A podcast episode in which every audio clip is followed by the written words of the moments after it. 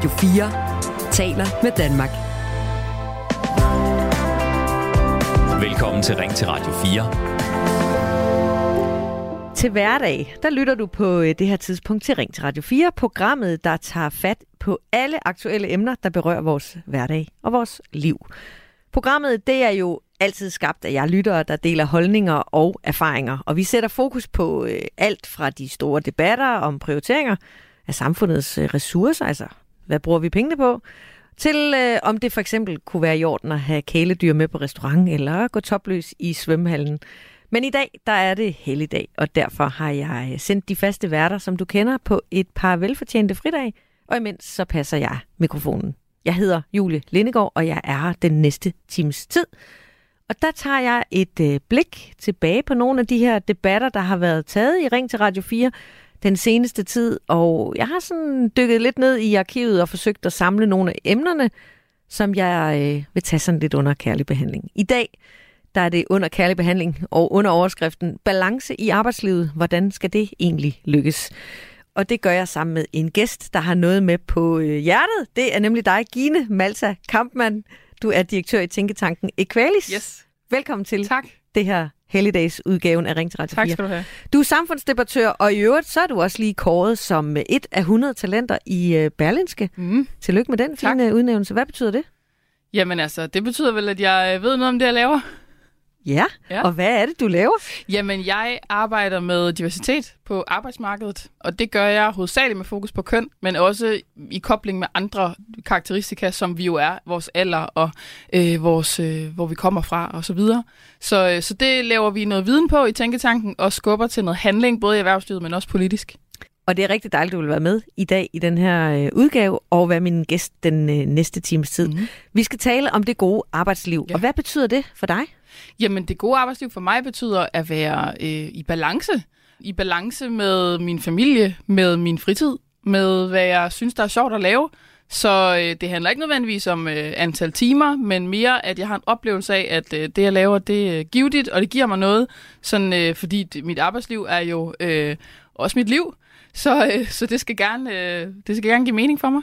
Du er jo øh, direktør i den her tænketank, ja. Og du er 30 år og mor ja. Til et øh, lille barn. Ja. Hvordan får man den kabale til at gå op?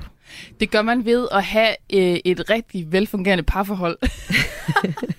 og det er ret, øh, altså det, det er lidt gakket, fordi da jeg øh, startede med at læse, der var der altid nogen, der skulle give råd omkring, hvordan man, hvis man havde lederambitioner, karriereambitioner, hvad, øh, hvad skulle man så sikre, man havde. Og det, der altid blev sagt til kvinder, det var, få dig den rigtige partner. Og jeg har altid tænkt, det er noget værre fis, fordi det skal da ikke, mit karriereliv skal da ikke afhænge af min partner. Øhm, men jeg må bare sige, at øh, det gør det rigtig meget, fordi øh, hvis ikke jeg gør tingene derhjemme, så er der jo anden, der skal gøre det, og særligt hvis jeg har et lille barn, så derfor er det bare rigtig vigtigt, at øh, der også er, apropos balance, derhjemme. Ja, og altså, jeg tænker, hvor mange timer arbejder du hver uge? Åh, oh, det ved jeg ikke. Det har jeg faktisk slet ikke tal på. Jeg, jeg har været konsulent tidligere, så jeg øh, har øh, lagt øh, timeregistreringsdagene bag mig, øh, billing og registrering sådan bag mig, øh, så det tæller jeg faktisk ikke. Øh, så det, det kan jeg faktisk ikke tage svar på. Så det her, når du siger, at der skal være balance i det gode arbejdsliv, eller det gode liv, hvad, hvad, hvad betyder balance sådan for dig? Jamen, balance betyder, at jeg, øh, at jeg er glad. Altså, at jeg synes, det er sjovt, det jeg laver. Og at jeg kan det, jeg vil, inden for rimelighedens grænser selvfølgelig. Øh, men også, at jeg kan få tingene til at gå op med, øh, med alle de ting, jeg gerne vil. Så øh, arbejdslivet er jo en ting, men det skal jo gerne ja, altså være i balance og hænge sammen med de andre ting, ikke? Jo, du er jo sådan en, en ung direktør. Mm. Du har en fremadstormende karriere. Du er talent 100 i Berlinske. Og en familie ved siden af. Ja. Og, og det, man får lyst, eller det, jeg får lyst til at spørge dig om, det er jo sådan, hvad er det, du så ikke gør? Altså, hvad, hvad lykkes du ikke med? Eller hvor, hvor. Ja. er det, du ikke er performer på alle parametre? Det er også et rigtig godt spørgsmål, fordi sandheden er, at jeg vil jo gerne performe på alle parametre, ikke? Så det vil jo også... Øh, det vil jo også handle om at øh, træne øh, seks gange om ugen, og øh, drikke vin med mine veninder øh, to gange om ugen, og øh, være ude til feste, i hvert, fald, øh, i hvert fald en gang om måneden. Og jeg kan godt sige, at mange af de ting, dem er der skruet gevaldigt ned for. Øhm, så det handler jo om en prioritering, og jeg tror i forhold til øh, livet som en livs, øh, som et helt liv jo, så, øh, så kan man jo godt skrue op og ned på nogle forskellige ting på nogle forskellige tidspunkter. Men hvis man begynder at føle, at det kommer til at være for meget ud af balance, så hvis der er noget, jeg begynder at savne rigtig meget, så sikrer jeg mig også, at jeg kan prioritere det, jeg så savner. Ikke? Så det er jo sådan noget med at rigtig mærke efter øh, besked. Ikke? Altså, øh, hvordan føles det? Og hvis der er noget, man savner, så lav det om, og så sørg for, at du kan det, du savner. Og man kan sige, du har jo selv en, øh, en historie, der handler om, at øh, du var i et job, mm. hvor du fik øh, besked på at skrue lidt ned for dig ja, selv. Yes. Kan du ikke øh, lige prøve at fortælle, hvad det var, der skete? Jo, der skete det, at jeg, øh, der havde jeg også en lederstilling. Øhm, og øh, vi øh, snakkede om en masse øh, ting, som jeg var meget interesseret i på det her tidspunkt. Det var sådan, at jeg sad i en lederstilling, hvor jeg havde mit eget team, men jeg var også tæt på sådan, topledelsen i den virksomhed, jeg sad i. Og øhm, så øh, var jeg jo i det øh, sammenspil også den yngste og øh, den eneste kvinde, kan jeg så også afsløre. Og når vi havde nogle diskussioner, hvor at, øh, eller drøftelser, som øh, jo er konstruktive, ja, så, ja, det er det gode øh, det er det gode, for, ja, for at være uenig. Ja. Ja, ja. Så fik jeg tit at vide, at, øh, at jeg skulle øh, ikke være så engageret. Altså det handlede meget om, hvordan jeg var i de der samtaler, at jeg skulle prøve at distancere mig fra det, og det var jo en reaktion på, at min chef, som sagde det til mig, øh, mente, at jeg var for øh, investeret, fordi han tydeligt kunne mærke, at jeg jeg hævede stemmen måske lidt, ikke? Øh, måske blev jeg også øh, sådan øh, insisterende på det, jeg mente, der var rigtigt. Og, øh, og hans måde at løse det på, var så, at så måtte jeg trække mig, øh, distancere mig fra det, simpelthen. Så du blev bedt om at skrue lidt ned? Jeg blev simpelthen bedt om at skrue ned, ja. Og det skrev du også til dig selv på en lille gul post Det skrev jeg til mig selv. Så skrev ja. jeg til mig selv, øh, du må ikke lade dig styre dine følelser. Og den, øh, den lille post den hang op på min computerskærm. Og så, øh, så, så kiggede jeg ned på den, når jeg følte, det var frustrerende. Og så prøvede jeg jo at styre mig selv. Hvilket, altså når jeg kigger tilbage på det nu, er helt øh, gak. Øhm, fuldstændig. Fordi hvordan gik det med at skrue ned? Og, øh... Jamen, jeg synes jo ikke, det var særlig sjovt. Og jeg var jo øh, presset på mange måder. Jeg var presset i mit humør, jeg var presset, jeg arbejdede også rigtig mange timer. Og øh, når man så arbejder mange timer, man samtidig ikke må levere sig selv, øh, så er det ikke nogen særlig sjove timer. Øhm, og jeg synes jo heller ikke, at vi opnåede det, vi skulle, fordi at jeg kunne jo ikke bidrage med alt det, jeg havde at bidrage med, for det havde jeg jo fået at vide, at jeg ikke uh, måtte simpelthen få at passe ind. Ikke? Så det var en rigtig dårlig periode uh, i mit arbejdsliv, og det endte jo også med at betyde, uh, det var i hvert fald en af grundene til, at jeg uh, skiftede job. Ja, fordi du tog simpelthen konsekvensen ja. af ikke at kunne være ja. dig selv. fordi det var det her med, en ting var, at jeg ikke var glad, noget andet var også bare mit arbejde. Altså, det var ikke lige så godt. Det, jeg kunne ikke uh, mærke mig selv i det, jeg lavede, og det betød også bare, at uh, outputtet, det blev ikke det, det kunne være. Så øh, det der med det gode råd til dig selv, skru lige lidt ned for Gine og for følelserne. Hvordan, øh, hvordan har du det med det i dag? Jamen, den post den er længe krøllet sammen og smidt i skraldespanden. Og du har fundet ud af, at der er plads til det. Man skal bare finde det rigtige sted. Fuldstændig. Ja. Radio 4 taler med Danmark. Det her er Helligdags udgaven af Ring til Radio 4. Jeg hedder Julie Lindegård, og med mig i dag har jeg samfundsdebattør og direktør Gine Malta Kampmann, som er direktør i Tænketanken Aqualis. Og nu skal vi til at snakke om et helt øh, konkret emne fra øh, Ring til Radio 4, nemlig pjek ja. fra arbejdet.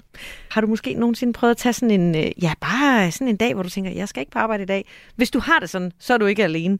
For en øh, undersøgelse fra Dansk Erhverv viser, at 350.000 danskere hvert år tager mindst én sygedag, selvom de faktisk ikke er syge. Det vil sige, at øh, 12 procent af alle danskere i job har prøvet at tage sådan en øh, pjekkedag. Og øh, en undersøgelse fra øh, Megafon peger på, at det især er dårlig nattesøvn, uoverskuelige arbejdsopgaver og problemer på privatfronten, der ligger til grund for folks øh, pjekdag. Og det koster altså samfundet dyrt, når vi melder os syge uden at være det. Ifølge Dansk Erhverv, så koster sygefraværet generelt, altså alt sygefravær øh, generelt, 46 milliarder kroner om året, og det tal havde altså været noget mindre, hvis folk de ikke pjekkede. Gine, har du prøvet at pjekke for arbejde? Det har jeg slet ikke. Det har Hvor, jeg ikke. Hvorfor tror du, det er nødvendigt? Jamen, jamen jeg, øhm, jeg kan godt genkende, hvorfor det er nødvendigt. Altså, jeg kan godt genkende nogle af de grunde, du nævner. Dårlig nattesøvn. Jeg har et barn på et år. Øhm, du har haft lyst til det? Jeg har da måske haft lyst til det. Men det der er, så kan man snakke om moralsk kompas og, og alt muligt. Men jeg synes, drøftelsen i, er mere spændende i forhold til grundene til, hvorfor man pjekker. Fordi det der med, at man føler sig stresset på arbejdet, for eksempel, det ved vi jo faktisk rigtig meget om, at det, det kan netop gøre sådan, at du ikke dukker op på dit arbejde. Så vi skal jo have fat i at håndtere, hvorfor man føler behovet for det. Mere end at give den individet skylden, ikke? Men kan man ikke godt sige også, at det er dårlig moral? Altså hvis du har sovet dårligt, eller du har lidt uh, problemer på privatlivet, og du, og du så tænker, jeg tager ikke lige på arbejde i dag. Altså, jo, det vil, det vil jeg skulle sige. Det, det, jeg, jeg, apropos moralsk kompas, ikke, så øh, er mit nok skruet sådan sammen, at øh, der skal rigtig meget til, før jeg ikke øh, tager på arbejde. Vores øh, lytter, Jakob Mæler, han øh, deltog i debatten, da vi havde den i øh, Ring til Radio 4. Du skal lige høre her, hvad mm. han øh, sagde. Altså det at pjekke, det kommer jo, når man har, øh, når man har kørt øh, Ringnes Herremarathon øh, onsdag aften og nat, og man ved bare, at man skal stoppe efter sæson 2, fordi nu er klokken 3, og det gør man ikke. Man fortsætter til klokken den er 5, og så dagen efter, ja, så er man selvfølgelig mega træt, og så bliver man hjemme fra arbejdet, og så tager man en dag. Det mener jeg ikke er, øh, er en, øh, en, en, en, god, en god idé. Så nej. Og Gine, du er enig med Jacob her? Jeg er fuldstændig enig. Har du, altså, har du ikke, når du står der og ikke har sovet, du har en etårig, der har været vågen det halve af natten og sådan noget, tænkt, jamen det er jo ikke, altså det kan godt være, at jeg ikke er rigtig syg, men jeg er jo føles næsten syg. Jo, for det kan man jo godt føle. Selvfølgelig kan man det. Men øh, hvad har stoppet mig i det? Det har nok været, at jeg skulle lave noget, der var sjovt. Altså det har jo nok været, at jeg har en hel dag foran mig, hvor jeg kan arbejde med noget, jeg synes, der giver mening. Og hvor jeg, øh, så vil jeg tænke, hvad var alternativet? At jeg så skulle se, apropos Ringnes Herre, øh, igen? Eller, altså det, det er jo også det med, øh, hvad prioriteringen er. Om man synes, man laver noget, som giver mening, ikke? Og som er... Øh, som, øh, altså nu har jeg lyst til at sige, som er det værd. Og tit, så kan man sgu også godt lige øh, trække sig selv lidt op. Så drikker man lidt ekstra kaffe, eller øh, man går lige ud og sidder i solen i to minutter, og så bruger man lidt ekstra tid øh, på det, og så er man tanket op igen. Altså det, øh, det handler måske også en lille smule om stamina. Dansk Erhverv er jo øh, sjovt nok ikke uenig med dig. De synes også, at det, det her det er noget af det, der skal kigges på. Og øh, Pernille øh, Tarup, som er chefkonsulent i Dansk Erhverv, hun øh, sagde blandt andet sådan her til Ring til Radio 4 tidligere det går jo ud over kollegaer, det går også ud over virksomheden, øh, fordi det koster nogle penge, når man er syg, hvis man ikke er syg. Er man syg, så skal man blive hjemme, øh, men vi synes ikke, pirker i orden, altså det vil sige, hvor man bliver hjemme, uden der reelt er en, en uden at være syg. Det påvirker også, jeg tror, at der var en af, af i lytterpanelet også, der sagde det her med, at det går ud over, hvis man er i et team, så går det ud over kollegaerne. Det kan betyde, at de skal gå hurtigere. Nogle virksomheder er jo også ret sårbare, også af vores medlemmer. Øh, står du i en butik, altså i detail, eller er du øh, i en café eller en restaurant og bliver hjemme, så skal de andre jo også løbe hurtigere, for eksempel. Og det er måske ikke så overraskende, at Dansk Erhverv taler om, at øh, det går ud over de andre. Og du er jo også direktør, mm. så du vil også gerne have dine medarbejdere, de kommer på arbejde hver dag. Men kan du ikke også godt have en forståelse for, at man, øh, man simpelthen er så udkørt, at man faktisk ikke rigtig har noget bidrag med på arbejdet, at man så tager en dag under dynen i stedet for at se lidt Netflix og, øh, og tænker, jamen jeg kommer, når øh, humøret er bedre og energien er højere når humøret er bedre. Altså jeg, altså, jeg kender jo som sagt godt følelsen. Ja, det handler også om, hvad for type job man har. Altså, om man er på jobløn, hvor der ikke er nogen øvre grænse, eller du, har, du kan rykke rundt med dine timer, som du vil, eller du er på flekstid, hvor du selv beslutter, hvor de ligger, eller om du er ansat på fikstid, altså du skal være der i nogle faste øh, timer. Og øh, som der også blev sagt i klippet, så... Øh, så vil jeg sige, hvis man skal tale om, hvornår det er værst at pjekke, så vil det være, hvis der er nogen, der står direkte afhængig af dig. Ikke? Hvis der taler om vagtplanlægning, og du så ringer øh, om morgenen, og der er en halv time til at finde en anden. Det er jo, altså, det er jo så tavligt over for arbejdspladsen. Øhm, og tit så, hvis man taler om stress for eksempel som en, som en årsag, så ved vi, at det særligt er unge kvinder, som arbejder i øh, omsorgsfag eller fag, hvor der er sådan borgernære relationer, som er udsat for det, og som også melder sig mere syge. Og, og der handler det jo om at finde, øh, altså simpelthen finde ud af, hvor, hvordan vi kan løse det, sådan at vi kommer udenom det her problem, fordi det er jo synd for dem, men det er også synd for arbejdspladsen. Så øh, selv der, hvor vi taler om, der skal vi finde en løsning, det er jo mere konstruktivt end bare at sige, nu er jeg simpelthen bare set for meget Ringnes Herre. Så altså den der Ringnes Herre, øh, humøret er dårligt, der må man altså øh, tage fat i sig selv, så kommer sted. Men altså, man kunne godt pege på, at det også er ledelsens ansvar at sørge for, at man har et arbejdsplads, hvor, øh, hvor man øh, står der for hinanden. Og øh, Dansk Erhverv mener faktisk også, at det handler meget om dialog mellem medarbejderne mm. og ledelsen. Og øh, Pernille øh, Torp, som er chefkonsulent i Dansk Erhverv, hun uddyber, hvad dialogen betyder for hende. Lyt lige med her. Jo, men det betyder jo, at man selvfølgelig som leder af virksomhed, så har man jo et ansvar også for sine medarbejdere og deres trivsel. På den måde at forstå, at man jo skal, hvis man kan se, at der er et mønster, der er nogen, der måske har mange enkeltdage, så kan det være en god idé som leder, at man tager dialogen med medarbejderne for at spørge, er der noget, øh, der trykker dig? Er der et eller andet arbejdsmæssigt? Er der et eller andet privatliv? Er der noget, jeg skal vide, for vi kan tage højde for det, når vi tilrettelægger dit arbejde? Det er jo den dialog, der kan være den vej. Hvis man som medarbejder øh, har et eller andet, der gør, at man måske synes, at det kan være lidt svært. Øh, det kan være noget privatliv, det kan også være noget på arbejde. Men så er det jo også en god idé at tage en dialog med sin leder omkring det. Øh, og der skal jo være den åbenhed, som, som også en af jeres lytter på var inde på, så man kan tage denne her, der skal være den her tillid til, at man kan gå til sin leder. Øh, så det er rigtig vigtigt, øh, at man kan tage den der dialog, fordi det er jo der, man ligesom kan finde ud af, jamen, det kunne også være, at jeg skulle tage mig en, en fridag. Altså i stedet for en pjekkedag, så kunne jeg også tage mig en fridag. Uh, vi har jo ferie, og nogen har fridage, feriefridage og hvad der ellers er rundt omkring i de forskellige virksomheder. Nogle gange så kan det jo også gå hurtigt på sådan en arbejdsplads. Der kan være travlt, der kan være mm. kollegaer, man kan se, at om hvis nu jeg går ind og spørger med fridag, så bliver det svært at få den, fordi vi har så travlt, mm. og de andre skal også. Og kan det ikke godt være svært som medarbejder at skulle øh, være den, der går til arbejdsgiveren og, øh, og, og gør det her? Altså der tænker jeg, at en, en pjekdag måske nogle gange kan være den nemme udvej. Ja. Jo, jo, altså jeg kan godt forstå, hvad du siger. Jeg tror bare, i det lange løb, så er det jo ikke en holdbar løsning, også, som, vi, som, som vi også har, har anført i, i den artikel, der har været bragt. Øh, fordi det er jo sådan en lidt... Det bliver jo det her med, at nogen har også moral. Altså på en eller anden måde påvirker det jo også en selv, måske også i forhold til ens kollegaer, at man måske også får dårlig samvittighed, hvis man har taget en pjekdag, hvis man reelt ikke har været syg, når man kan se, at de har haft travlt. Altså så jeg tænker, at den kan også gå den anden vej øh, så man faktisk kan få det mere skidt. Jeg tror, det er mere åbent at tale om det, fordi så er der også mulighed for, at man i virksomheden kan tilrettelægge det, øh, hvis, man, hvis man laver en aftale om det. Øh, hvorimod, hvis man bliver væk, så står man jo akut om morgenen og skal til at have det til at gå op. Vil du øh, lægge hoved på blokken, han har sagt, i forhold til, øh, at alle de ledere, der så sidder derude, er super forstående og altid vil kunne se det her fra medarbejdernes perspektiv? det kan jeg ikke lige ud på bloggen og sige. Jeg vil, jeg vil opfordre til, at man gør det, og, og jeg ved, at vi har rigtig mange gode ledere i vores virksomheder, så, så jeg håber også, og nogle gange tror jeg også, at medarbejderne måske skal prøve øh, at gå ind. For nogle gange er der også nogle antagelser, man kan have om, at det kan nok ikke lade sig gøre. Ja, det sagde altså Pernille Thorup her i et øh, tidligere udgave af Ring til Radio 4. Og med mig den her øh, dag i dag, der har jeg øh, Gine Malta Kampmann, som også er samfundsdebattør. Og altså, du er også leder, du er direktør i en tænketank, Altså, er det ikke dit ansvar, at medarbejderne har lyst til at komme på arbejde og øh, ikke tager en pirkedag? Det er selvfølgelig mit ansvar, at de har lyst til at komme på arbejde. Øh, om de tager en pirkedag, det er deres ansvar. Altså, det, jeg kan gøre nok så meget som leder, jeg kan skabe nok så mange rammer, men ofte, når vi også taler med, om pirkedage, så kan der jo være det der med, om der ligger noget andet.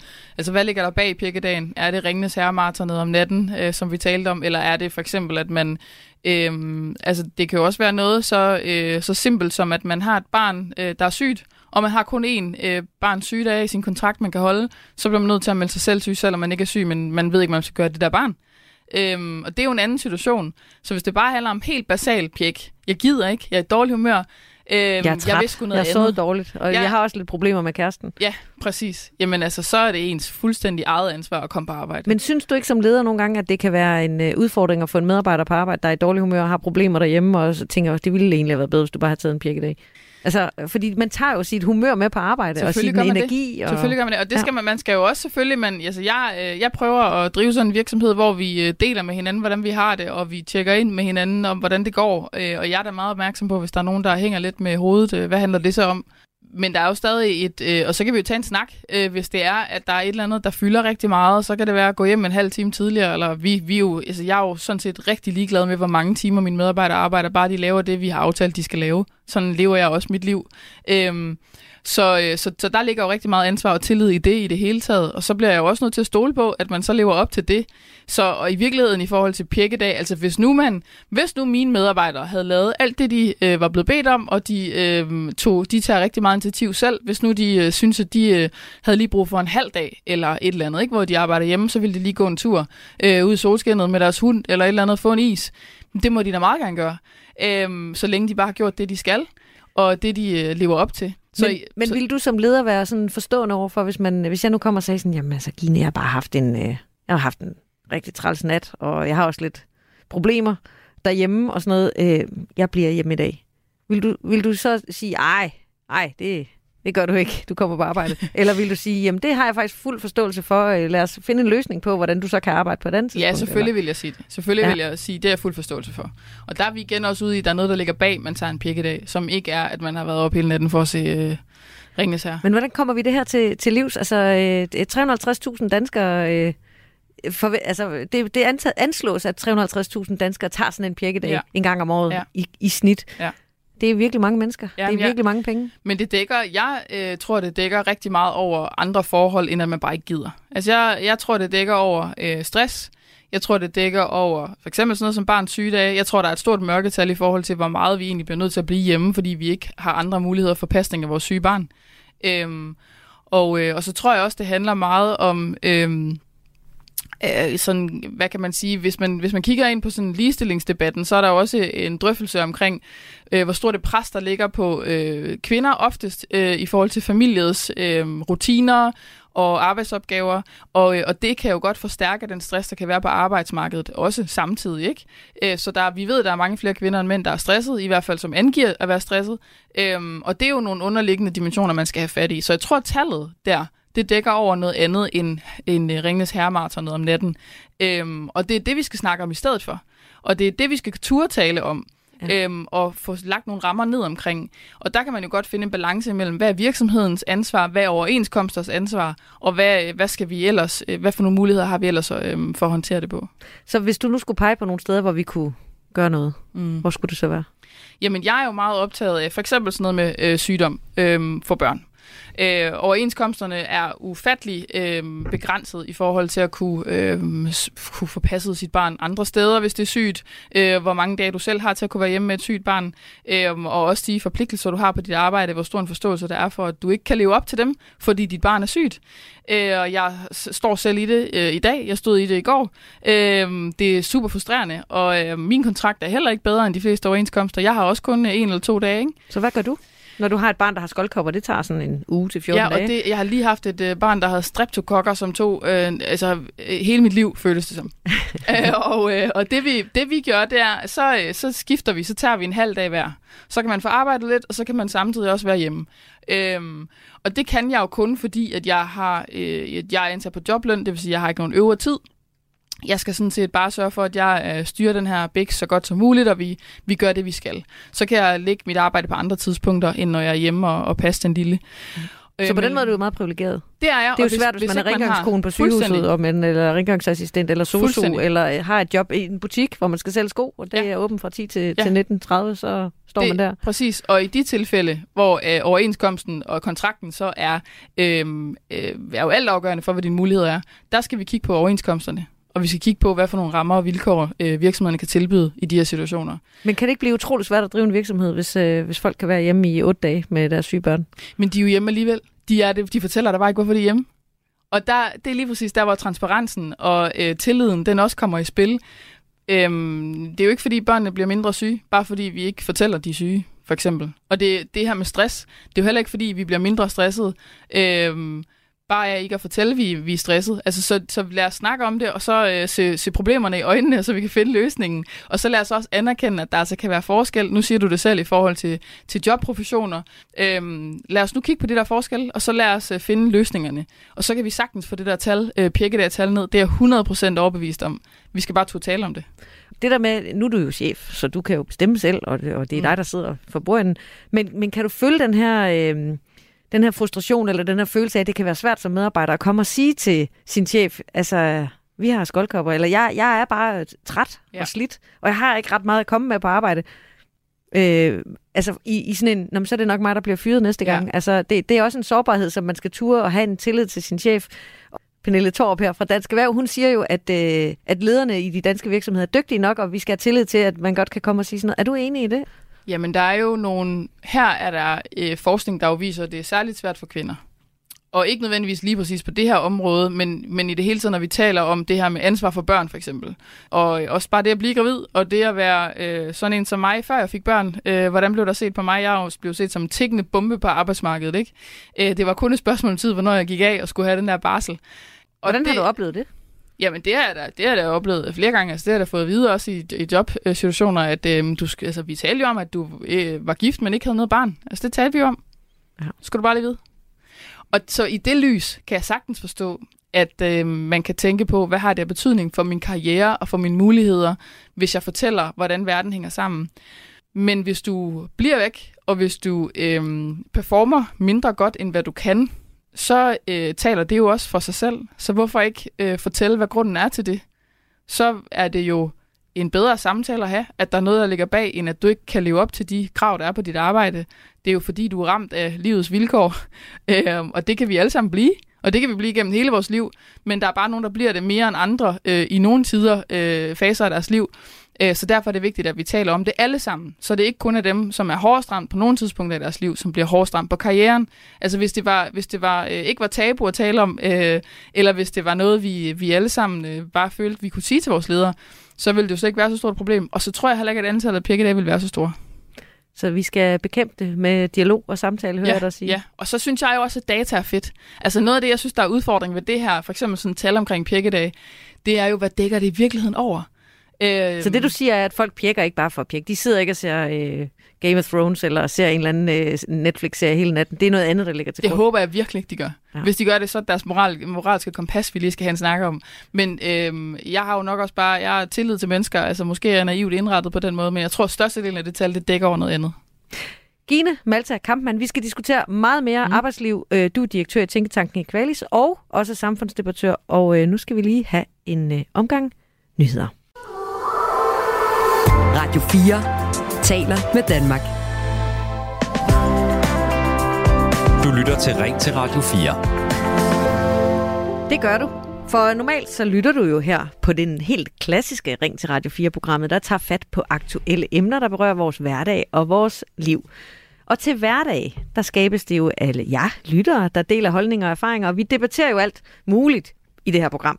Hvad kan man bruge pengene til i samfundet, og fartgrænser, hunde på restauranter eller topløse folk i svømmehallen. Men i dag er det helligdag, og derfor får du en særlig helligdagsudgave, en Ring til Radio 4 special, som øh, jeg er i gang med lige nu. Jeg hedder Julie Lindegård, og jeg har øh, dykket i en tur i arkivet og fundet nogle emner, der stadig er aktuelle, og dem øh, vender jeg med dig, Gine Malta Kampmann. Du er direktør i Tænketanken i Kvalis, og så er du også samfundsdebattør. Det er mhm. dejligt, du vil være her. Tak for det, må. Vi taler jo om det gode arbejdsliv. Ja. Og det er jo sådan en øh, svær balance, for øh, der er rigtig mange mennesker, der har svært ved at finde ud af, hvordan skruer man det gode arbejdsliv sammen. Ja. Løsningen kunne måske være en øh, fire-dages arbejdsuge. Flere virksomheder, øh, både herhjemme og i udlandet, eksperimenterer med at skære arbejdsugen ned til fire dage og øh, tilsvarende færre timer, men med den samme øh, produktionsmål og med den samme løn. Målet er altså at give medarbejderne mere overskud og mere fri, når de så endelig har fri. Men er det egentlig en øh, god idé, Gine? Jeg synes, det er et spændende forslag. Lad mig starte med at sige det. Og jeg synes jo også, at det hænger, hænger lidt... Du, man skal se det i sammenhæng med, hvad laver man af arbejde? Hvor kan det egentlig lade sig gøre henne? Øh, vidensarbejde, sådan noget som vi laver, der vil det måske godt kunne lade sig gøre. Der er andre steder, hvor man har altså helt forståelige forhindringer på grund af øh, for eksempel øh, åbningstider i øh, det sted, du arbejder, eller noget andet, hvor det så kræver, at du så har flere folk ansat for at kunne nå det på øh, den, altså i åbningstiden. Ikke? Hvordan arbejder du selv? Jamen, jeg arbejder, når, øh, når jeg har tid til det, var jeg lige ved at sige. jeg arbejder, altså nu, når man har et lille barn, så skal man jo have nogle faste rutiner. Øh, så jeg arbejder jo fra, jeg har afleveret hende, og til jeg kommer hjem til aftensmad, som min mand har lavet klokken halv seks, og så arbejder jeg igen om aftenen. Og det gør jeg jo fem dage om ugen. Og kunne du forestille dig at arbejde fire dage om ugen? Det kunne jeg ikke. Altså, jeg er, øh, jeg er jo nok sådan skruet sammen øh, produktivitetsmæssigt, at jeg kan altid nå lidt mere. Så, og fordi jeg var ansat uden nogen øvre grænse eller øh, noget som helst, at jeg definerer selv øh, formålet, jeg, jeg, øh, det som øh, er givetigt for det, vi skal, så øh, vil jeg, tror jeg, simpelthen bare komme til at arbejde lidt om fredagen også. Men øh, hvis du nu har nogle medarbejdere, der kommer og siger, vi vil gerne arbejde fire dage om ugen, vi vil godt have fri om fredagen. Hvad tænker du så om det? Jamen, så vil jeg snakke med dem om, om de i virkeligheden var interesseret i at arbejde 30 timer til 30 øh, timer, altså løn for 30 timer, eller om de, så det var en deltidsstilling, eller om øh, de ville prøve at eksperimentere med en fire dages arbejdsuge øh, til fuld løn.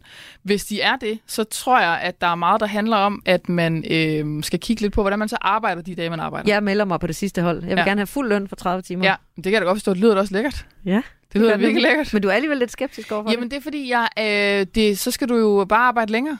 Du skal arbejde flere timer de dage, du så er på arbejde. Og hvem vil det? Vi skal snakke meget mere om det, for i Storbritannien, der har de gang i et forsøg, hvor 3.000 øh, britter skal øh, i en periode arbejde 30 timer til fuld løn. De ansatte har, til, har lovet øh, virksomhederne, at de vil forsøge at holde den samme produktivitet som før. Herhjemme er der også virksomheder, der tester fire dages arbejdsuge, og Henrik Stenmann, han er direktør i øh, IHH Nordic, og øh, er en af de danske virksomheder, som øh, har gjort det her. Faktisk har de arbejdet med det i uh, fem år, hvor medarbejderne i den her IT-virksomhed har arbejdet 30 timer, fire dage om ugen, uden at gå ned i løn. Hør lige her, hvad han fortæller om sine erfaringer med fire dages arbejdsuge. Det har den af flere årsager. Øh, den ene, det var øh, ren og skær tilbage i 2014 i forhold til at rekruttere og fastholde de rigtige medarbejdere. Øh, den anden årsag, det var også, at vi var inde i det her tidstyrani, hvor vi hele tiden måler på, at en teams produceret arbejde, det er også en teams øh, outcome. Og det ville vi rigtig gerne gøre op med. Og så den sidste ting, det var livskvalitet øh, med rødspringte øjne og folk, der er møre i hovedet og sådan nogle ting, øh, hvor vi bare sagde, at vi er nødt til at gøre det øh, anderledes. Så det var de tre årsager til, at vi sagde, at fra 2017 øh, gik vi over til en fire-dages arbejdsuge. Og hvad så med de her rødsprængte øjne og øh, metaltræthed, tidstyrani? Er det noget, I har brudt med? Æh, det har vi bestemt. Æh, vores sygefravær faldet over med 50 procent. Øh, det var allerede forholdsvis lavt inden, skal siges, altså vi, men vi er nede på 1,7 procent. Øh, vi er gode til at fastholde vores medarbejdere. Vi har haft tre opsigelser på tre år hvilket er ikke særlig meget, når vi er 50 mand. Og, øh, og så også, øh, vi oplever simpelthen, at øh, folk er gladere øh, og, og, og, og har mere overskud. Så det har været en win-win på alle, alle fronter. Og hvis man skal drysse lidt malurt i det her bære, har der så ikke også været nogle udfordringer ved at droppe den femte arbejdsdag? Masser af udfordringer. Der, der er de sjove og de, og de mindre sjove, men, men øh, Øh, der er ingen tvivl om, at øh, det, det stiller krav til, at vi... Øh, hvad for en forretningsmodel har man? Øh, nogle er ked af, at de går glip af, glip af den her klassiske fredagsbar, hvis der var det, der var, var tale om. Øh, nogle af mine folk, de er også blevet pludselig sat til at ja, lave hjemligt arbejde og vaske tøj og ordne ting, som de ikke måske har været vant til. Øh, men alt i alt, så vil jeg sige, øh, så har folk taget enormt positivt øh, mod det. Øh, og det giver, det, der, det giver en ro, det der med at have en dag, hvor man ikke skal på arbejde, men kan nå, nå nogle andre ting. Ja, og det sagde altså Henrik øh, Stenmann, han er direktør i IHH Nordic, da han var med i øh, den udgave af Ring til Radio 4, hvor man også diskuterede det her sammen med øh, vært Ida Sofie Sellerup. Og altså med mig i dag, der har jeg jo Gine Malta Kampmann, og vi kigger lidt på det her med den fire dages øh, arbejdsuge. Altså, du siger sådan, du er lidt i tvivl om, det er den rigtige løsning, men når du nu hører Henrik uh, sige her, det går faktisk ret godt, sygefraværet falder, medarbejderne bliver gladere, de får den samme løn, de arbejder kun 30 timer om ugen, og har de har gjort det i fem år. Mm. Hvad tænker du så? Jamen, det lyder på ham som om, at de når det, de øh, ellers ville gøre også. Men så bliver jeg jo nysgerrig på, hvorfor, øh, hvorfor var man så udbrændt, og hvorfor nåede man ikke øh, mere før? Det bliver jeg lidt nysgerrig på. Og det er jo, jeg kan meget godt lide det, han siger øh, i forhold til det her tidstyrani. Altså en times arbejde er øh, et produkt af en eller anden art. Øh, og komme væk fra det, det er jeg meget enig i. Altså nu har jeg jo selv arbejdet som konsulent, og øh, hvis der er noget, man gør som konsulent, så er det at tælle timer. Og øh, du skal jo helst bruge så få timer som muligt, men til en fast pris, så du tjener lidt mere. Øh, så timer er virkelig din valuta, og det er også det, du bliver målt på præstation. Og det, det er skørt, fordi at øh, en time er ikke altid øh, godt brugt i forhold til den kvalitet, man leverer. Så det er jeg sådan set enig i. Så jeg synes, det handler mere om at kigge på, i stedet for rammen, om, som, øh, som der bliver præsenteret i det her fire dages arbejdsuge, er det det ene, er det det andet, hvor mange timer, hvor meget får du løn. Så lad os da lige kigge på øh, det der med værdien af det arbejde, vi laver, og, øh, og hvordan vi, øh, hvad for en kultur vi har, når vi går på arbejde.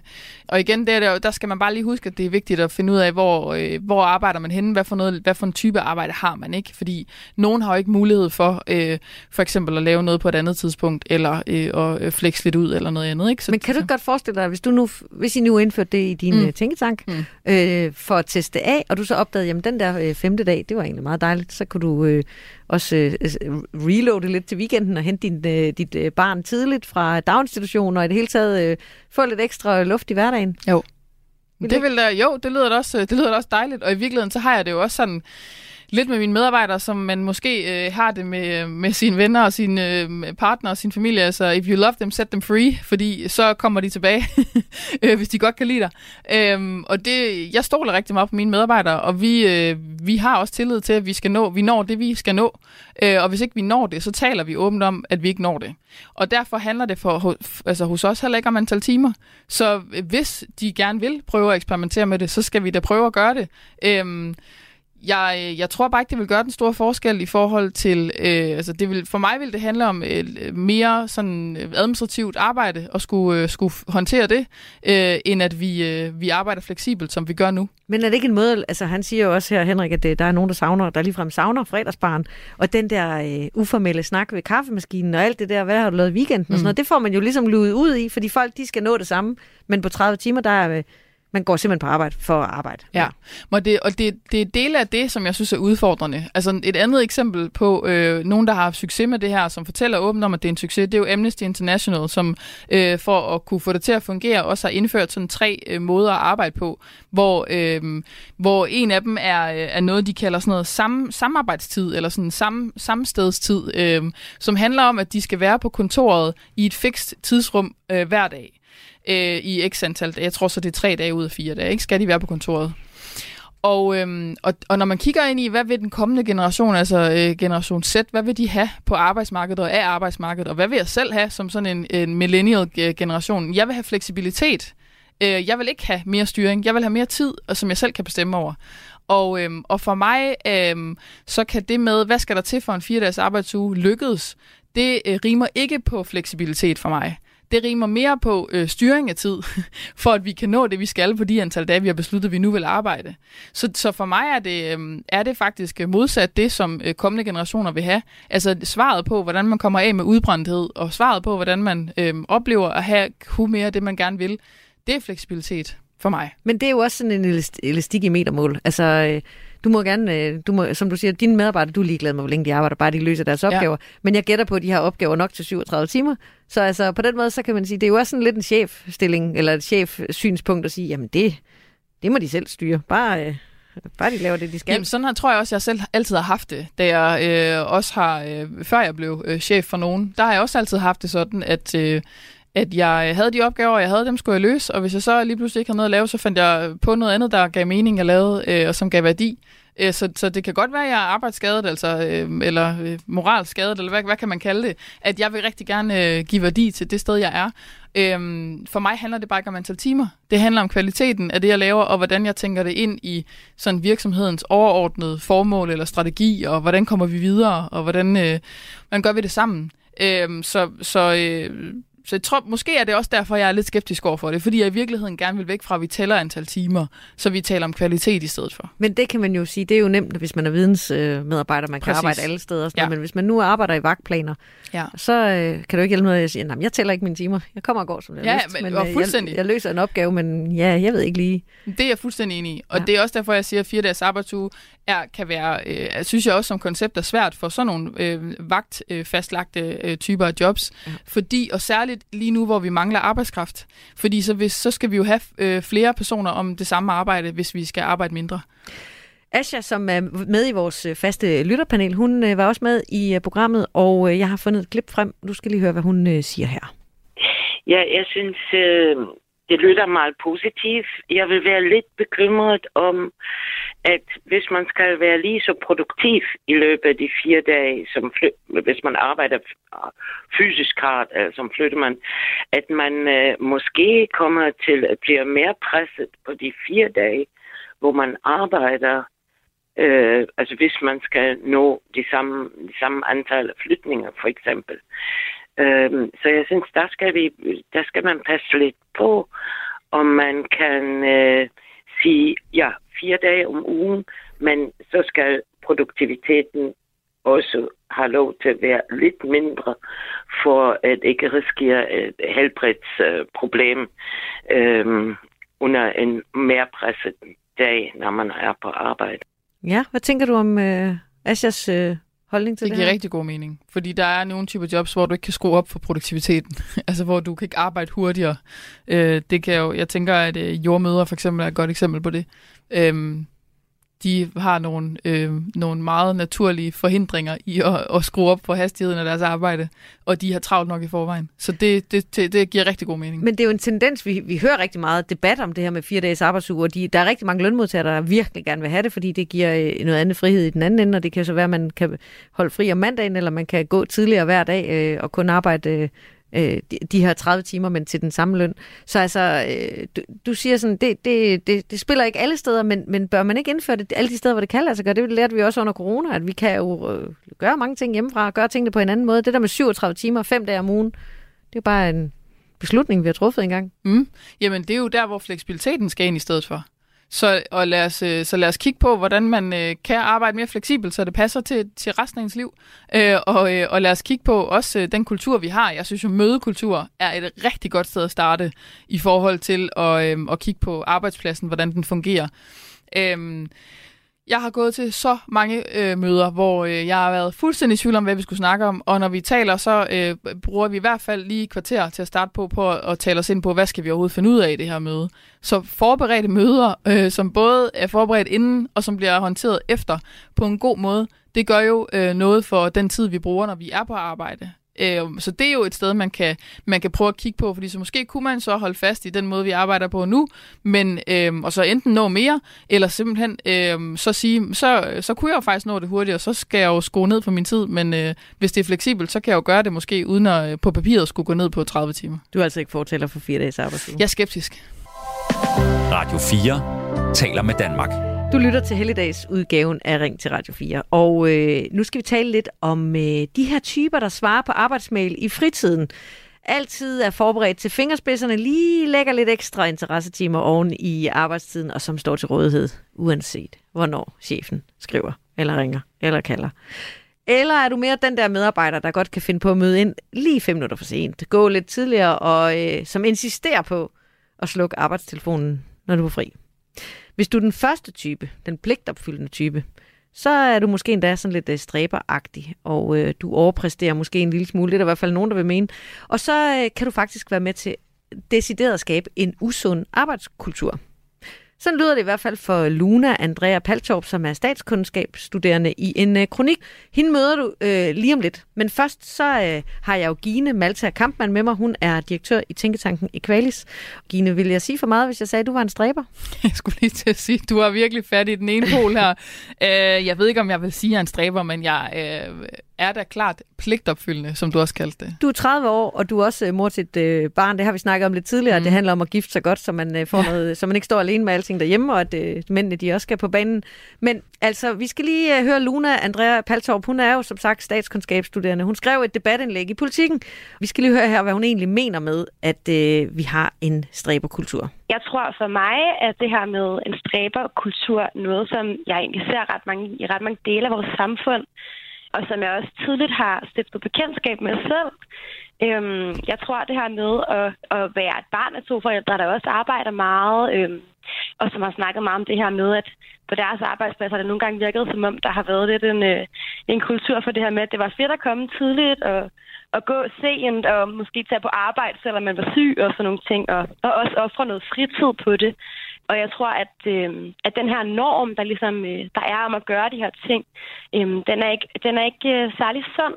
Øh, og jeg tror, at den går ud over rigtig mange. Hvem er det, det går ud over? Altså, øh, er det dem, der ikke nødvendigvis har en, øh, en stor arbejdsidentitet, eller hvor er det mm. ligesom kurven, den knækker? Fordi det lyder jo også til, at sådan en som Janette i mit lytterpanel er glad for at arbejde så mange timer, men det er jo så måske hendes børn, det går ud over, eller hvad er det lige, at høre dig sige?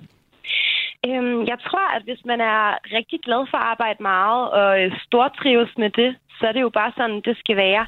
Øhm, men jeg vil bare sige, at for mig har det i hvert fald været rigtig skønt øhm, at opdage det her med, at der findes noget mening og anerkendelse, øh, som man kan gøre sig fortjent til, uafhængigt af ens karriere. Øhm, og det giver mening for mig at prioritere det, Øhm, og, og jeg tror måske ikke altid, at jeg har tænkt, at, øh, eller jeg har tænkt rigtig meget, at jeg skulle måske finde min, min mening og min lykke gennem mit arbejde, øh, siden jeg var lille. Og jeg tror bare, at nu her, hvor jeg har, har fundet ud af, at, øh, at der er så mange andre ting, der gør mig glad, og at det måske kan give mening at, at tage lidt en, øh, en slapper en gang imellem, at det, øh, at det er i hvert fald rigtig, øh, rigtig godt for mig selv. Og jeg vil egentlig bare gerne håbe, at, at, at dem, der måske sidder derude og, og mærker en lille identitetskrise, fordi de, de også har tænkt, at de skulle arbejde hele deres liv, men at det gør dem glade, og det gør dem stressede. At de ligesom kan måske finde, øh, kan identificere sig med det, jeg skriver om i mit indlæg. Ja, og det siger altså Luna Andrea Paltorp her i et uh, tidligere interview på uh, til Ring til Radio 4. Med mig i uh, dag, der har jeg Gine Malta Kampmann, og altså, vi snakkede lidt om det før. Du er lidt en stræber. Så når du nu hører uh, Luna, måske er du lidt en stræber. Du er i hvert fald meget ambitiøs. Og det siger Luna her også, det er der ikke noget galt i. Nej. Men du kan faktisk godt være med til at skabe en lidt usund kultur for Ja. sådan en som hende, der ikke har lyst til at arbejde på den måde. Ja. Hvad tænker du om det? Jeg tænker, øh, jeg tænker, der bliver sagt rigtig mange ting her fra Luna, og det er super spændende og øh, meget relevant. Og nu er jeg jo også selv øh, statskundskabsuddannet og kan jo øh, sagtens genkende øh, det miljø, man, man øh, bevæger sig i, når man er det. Øh, nu er jeg så godt nok fra Aarhus, øh, og, øh, og der er der lidt mindre, øh, der er lidt mindre pres på studiejobsene øh, og vælge det rigtige studiejob. Men det der er, jeg, jeg synes der er pointen i, og der hvor hun kommer fra, uden øh, nødvendigvis at kunne svare på hendes vegne, er jo, at det starter rigtig tidligt. Og det øh, er en oplevelse af, at hvis du ikke øh, vælger det rigtige i din karriere tidligt, og du ikke øh, når det, de andre når tidligt, men så er du tabt. Så er du simpelthen allerede der, øh, øh, står tilbage på perronen, mens toget det bare kører dig ud af. Og det kan jeg godt genkende. Det kan jeg genkende fra min studie, jeg kan genkende det fra de, de første par år af min karriere, og jeg kan også godt genkende det fra nu. Øhm, det er også tosset, at vi ikke kigger på livet mere som livsfaser, hvor vi øh, kan øh, karriereudligne øh, i højere grad, end at vi skal nå det hele, inden vi er øh, 35. Øh, der skal vi have et topjob og have flere børn og have en flot, øh, et flot hus og have en partner, som tjener mange penge. Vi skal selv tjene mange penge, og hvis ikke vi har det der, inden vi er 35, så er vi bare øh, tabt for, for livet. Hvad mener du med karriereudligning? Jamen, jeg mener, at øhm, karriere burde jo være noget, man kan øh, gå op i hele sit liv, og som bliver værdsat øh, på arbejdsmarkedet, uanset hvor gammel man er, at man gerne vil. Øhm, vi har en tendens til i vores samfund i dag, at altså, grænsen for, hvornår man bliver betragtet som senior på arbejdsmarkedet, den er rykket ned ned og ned og ned. Altså, jeg frygter jo, at øh, det er bare om et par år, så er jeg senior, ikke? Øhm, Du er 30 år og jeg er i 30. dag. Det Ja. siger rigtig meget. Altså, ja. øh, den bevæger sig hastigt ned ad den grænse. Du skal være yngre, øh, øh, yngre, yngre, yngre, øh, for at kunne blive betragtet som det, man i gåsetegn ville sige talent. Ikke? Øh, det synes jeg er en uheldig tendens, fordi øh, nu har vi snakket lidt om, øh, at jeg har et lille barn, øh, og, øh, og det her med, at, at øh, jeg skal nå alting, mens hun er, er lille, øh, det er da også stressende. Øh, det ville da være øh, meget sjovere, hvis jeg øh, kunne øh, tænke, at jeg når det nok om 10 år. Hvis ikke, Men det er jo det, Luna siger her. Det kan, det, du kan bare Jamen, det kan jeg, lidt mere tilbage. og det kan jeg da sagtens. Og så øh, kan jeg så bare sige oven i det, at øh, det er ikke naturligt for mig at tænke på den måde. og så kan man jo sige sådan helt personligt, er det så fordi, jeg er, er jeg produkt af, af samfundets øh, pres? Har jeg selv været udsat for stræber øh, Ja. i min omgangskreds? Øh, eller i min familie? Nu taler hun jo også om forældre, ikke? Øhm, og jeg må, øh, jeg må bare sige, at øhm, det har jeg nok. Det, det har jeg da nok været. Øhm, men øh, for mig er det et naturligt drive for at lave det, jeg laver. Øh, og jeg øh, står op hver dag og synes, det er fedt at lave det, jeg skal lave. Og så længe jeg har det på den måde, så, så øh, bliver jeg nok ved med at være det, man kan kalde ambitiøs. Kan du godt forstå, hvis der er nogen, der kigger på dig og tænker, det der, det kan jeg slet ikke følge med i, og hun lægger et enormt pres på mig, at hun er både succesfuld, hun er direktør for en tænketank, hun er 30 år, hun ser super godt ud, hun har et barn, hun er en karrierefremmende kvinde, hun er, gør alle de rigtige ting. Og jeg står her, og jeg har øh, slet ikke det der drive, og jeg har, ikke, øh, jeg har simpelthen ikke så meget båndbredde, som du har. Kan du forstå, hvis der er nogen, der føler sig øh, ramt af det, og du, du nærmest er med til at skabe en usund kultur? Jamen, sådan tænker jeg det også selv nogle gange. Jeg tror, man på godt gammeldags dansk kan kalde det imposter syndrom, fordi alle vil have noget øh, dejligt i sin karriere, i sin, i sin omgangskreds, i sin øh, fritid. Alle har noget, som er dejligt, som de er gode til, som de går op i. Øhm, og, øh, og det handler jo i høj grad nok om at prøve at fjerne sig lidt fra det sammenligningspres. Og det er svært, det ved jeg godt. Det synes jeg også selv er svært. Øh, og jeg bliver selv, øh, øh, tvivler selv på øh, mine egne evner og øh, kapaciteter og øh, karrieremål og så videre. Øh, det gør jeg også selv tit. Og til det, der øh, prøver jeg bare at sige til mig selv, øh, tag dig lige sammen og kig på, hvor godt det går for dig. Og jeg, for mig øh, er der også øh, en, øh, er det et greb at gøre det, og det, det tror jeg, mange kan, øh, kan blive betrykket i at gøre selv. øh, og det kan være en måde at, at prøve at fjerne sig selv lidt fra det der øh, pres på, man kan føle. Men du siger også selv, at du er godt klar over, at øh, det kan se, se flot ud, mm. Og det ser ambitiøst ud, og du har masser af drive, og du har et godt bagland, og du vil en masse ting. Men er, det, er der, gør du noget i din hverdag, hvor du sådan tænker, jamen jeg ved godt, at det her det er måske ikke de fleste, der kan gøre det, jeg gør, øh, for at ikke at være med til at skabe en usund kultur, eller ikke at give det pres videre til andre i din omgangskreds og i dit, øh, på din arbejdsplads? Som jeg er bevidst om og, øh, og prøver... Øh, Skruer du ned for dig selv i nogle sammenhænge? nej, det gør jeg simpelthen ikke. Det gør ikke mig glad. Det gør simpelthen ikke mig glad at skrue ned på nogen som helst måde. Øh, jeg deler mine erfaringer, og så er jeg ærlig. Og jeg tror, at det der med at være ærlig omkring, hvad jeg gør, hvad jeg synes, der er sjovt, hvorfor jeg gør, som jeg gør, i dialog med veninder, venner, øh, familie, øh, øh, eksternt øh, fra mine medarbejdere der også. Altså, vi taler åbent om, hvis jeg har også en uge, hvor jeg føler mig presset, og jeg, øh, vi taler også åbent om sådan øh, strategisk, hvordan skal vi positionere os på dagsordenen, og der bliver jeg, siger jeg da også nogle gange til mine medarbejdere, jeg gad bare godt være hende derovre, eller ham derovre, eller hvorfor er det ikke mig, de ringer til?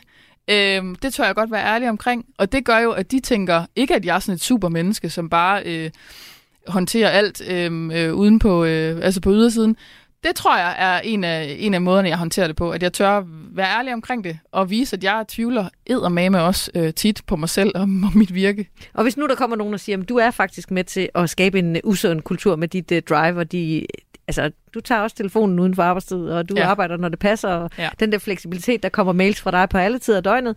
Øh, hvad vil du så sige til dem? Jamen, jeg synes, det er svært, fordi i virkeligheden vil jeg have lyst til at sige, det er jeg ked af, at du oplever. Øh, det kommer jeg ikke til at lade være med. Jeg, jeg tror, det handler meget om også øh, de virksomheder, vi arbejder på, og de forretningsmodeller, der er skruet sammen på visse måder. Altså arbejdsmarkedet generelt har et ansvar. Øh, det kan jo for eksempel handle om, nu har vi snakket om antal timer, man tæller timer, man går op i antal timer som valuta for værdi. Øh, hvis vi flytter os fra det, så øh, kommer vi jo også udenom øh, de her snakke mere, hvor at bare det, at jeg har arbejdet fem timer mere end dig, det gør, at jeg har mere værdi i mit arbejde. Det skal så, vi væk fra. Så det skal vi væk fra, og det tror jeg, at vi som øh, arbejdsmarked, som, altså som erhvervsliv, jeg tænker særligt på det private øh, arbejdsmarked, ikke? at der kan vi virkelig have nogle snakker omkring vores forretningsmodeller, og hvordan vi ser på værdi for det enkelte, øh, den enkelte kollega. Øhm, og det kan være med til at flytte fokuset. Og det, der tror jeg i virkeligheden, at, at presset på, at de skal laves om, at de skal tage en større snak, samfundsdebat, øhm, det, er, øh, det er en mere konstruktiv øh, dialog, end at lægge øh, ansvaret hos det enkelte individ på, på sådan en som for eksempel mig.